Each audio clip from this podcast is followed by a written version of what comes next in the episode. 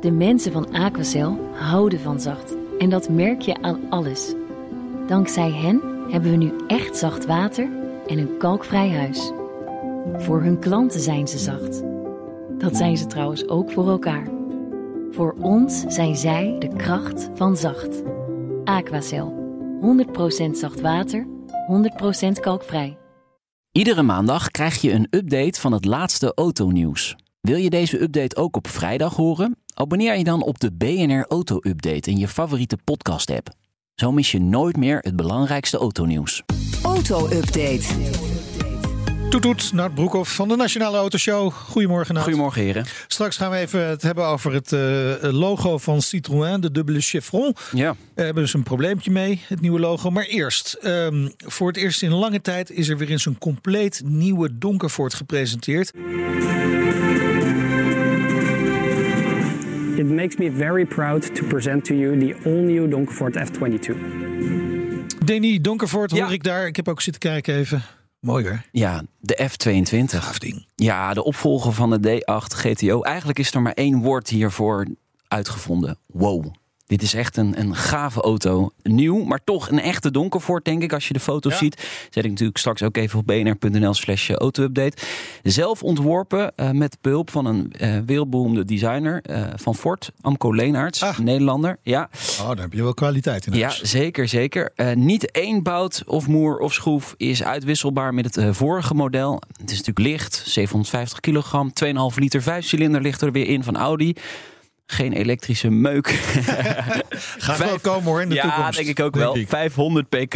Ja, hij is iets groter, iets meer ruimte binnenin. Ja, veel meer technologie, dus daarom is hij wel iets zwaarder dan zijn voorganger. Maar ja, het ziet er gewoon goed uit. Ja, maar en dat, een is, dat is handbak. natuurlijk de reden waarom het nu nog niet elektrisch is. Hè? Dat, dat is Donkervoort gaat om gewichtsbeparing. Ja, ja. Zo min mogelijk gewicht. Ja. En daarmee gewoon ultieme prestaties. ja, wat is het zwaarste van een elektrische auto? De accu. De batterij, ja, Ja. dus dat, is, dat wordt lastig. Eh, maar Danny Donkervoort is eh, eind deze week eh, te gast in de Nationale Autoshow. Dan mag hij nog eens uitleggen waarom hij voor dit concept heeft gekozen en hoe het met Neemt dat andere mee of niet? Nou, dat, dat denk ik nog niet. Nee, maar- het zou wel een stunt zijn. Ja. Ga maar even een rondje ermee Ja, rijden. precies. Hij gaat er 75 produceren. De eerste 50 zijn al verkocht. Dat is hartstikke mooi. Ja, en Danny best. Donkervoort is dus vrijdag te gast. Dat kun je natuurlijk altijd terugluisteren via de podcast-apps. Ja, mooi ding, mooi ding. Ja, zeker. Eh, dan Toyota werkt volgens Reuters aan een gewijzigd EV-plan. Ja, eh, Toyota zoekt naar manieren om de, het concurrentievermogen van de elektrische auto's te, te verbeteren. En welke wijzigingen dan precies er komen, weten we niet. Maar het gaat mogelijk om betere technologie voor batterijen en aandrijflijnen. Het merk schakelt natuurlijk ook over naar elektrisch eh, rijden. Ze hebben jarenlang hebben ze hybrides eh, gehad natuurlijk. De Prius was dit weekend een groot feest in Japan, want die bestond 25 jaar. Ja. Ehm, eh, nou ja, leuk om een feestje voor te vieren, maar ik weet niet, ja, ik, ik ben niet de grootste fan van de Prius. Concurrentie zet dus natuurlijk vol op eh, elektrische auto's in, heeft daar eh, voorsprong ook in opgebouwd. Gewijzigd EV-plan van Toyota moet dus een inhaalrace gaan inzetten. Ehm, begin 2023 worden eigenlijk de leveranciers Er- geïnformeerd. Erkennen ze gewoon nu dat ze de slag een beetje gemist hebben. Deels, ze waren een ja. voorloper en ze hebben, zijn dat kwijtgeraakt door niet te geloven in de full electric. Deels. Ze, ze hebben natuurlijk heel lang op hybrides ingezet. Daar, die stoten Ah. veel minder uit. Dus ja, dan kon je gewoon je CO2-doelstellingen daarmee behalen. Ja. Ja. Ja. maar nu zie je dat eigenlijk alle merken overschakelen naar volledig elektrisch. En dan kun je niet achterblijven. Nou, eh, China was lang het eh, beloofde land voor veel eh, autobouwers. Hè. Daar stegen de verkopen nog, terwijl ze hier in Europa toe aan het teruglopen waren.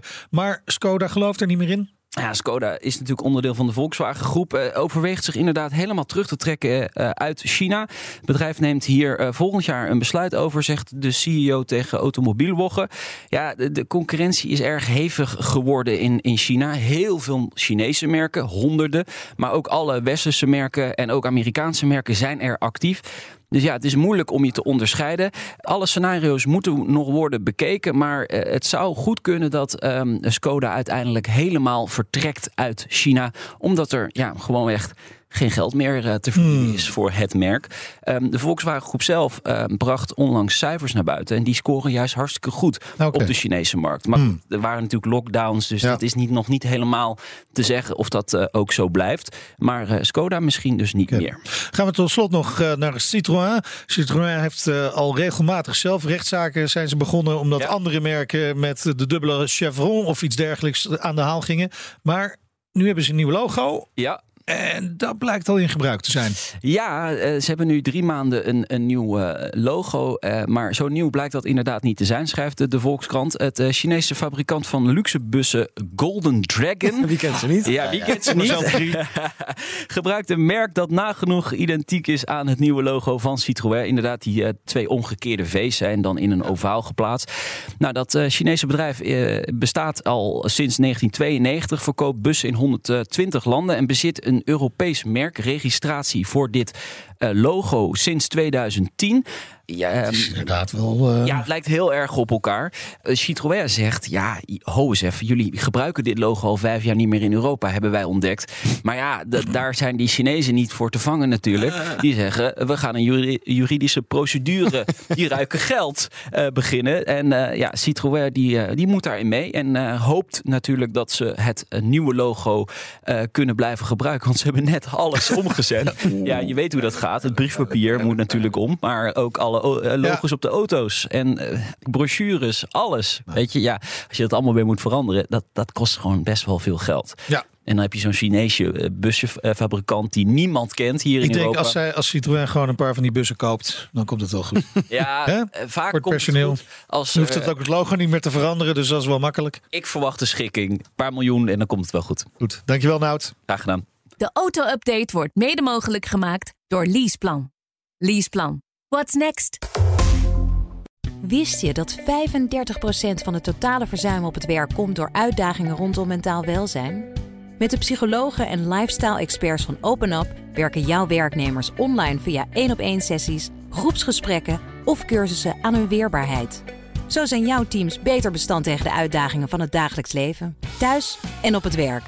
Verhoog net als Decathlon, KPN en HelloFresh de weerbaarheid van je werknemers. Ga naar openup.nl/slash bedrijven. Let's open up!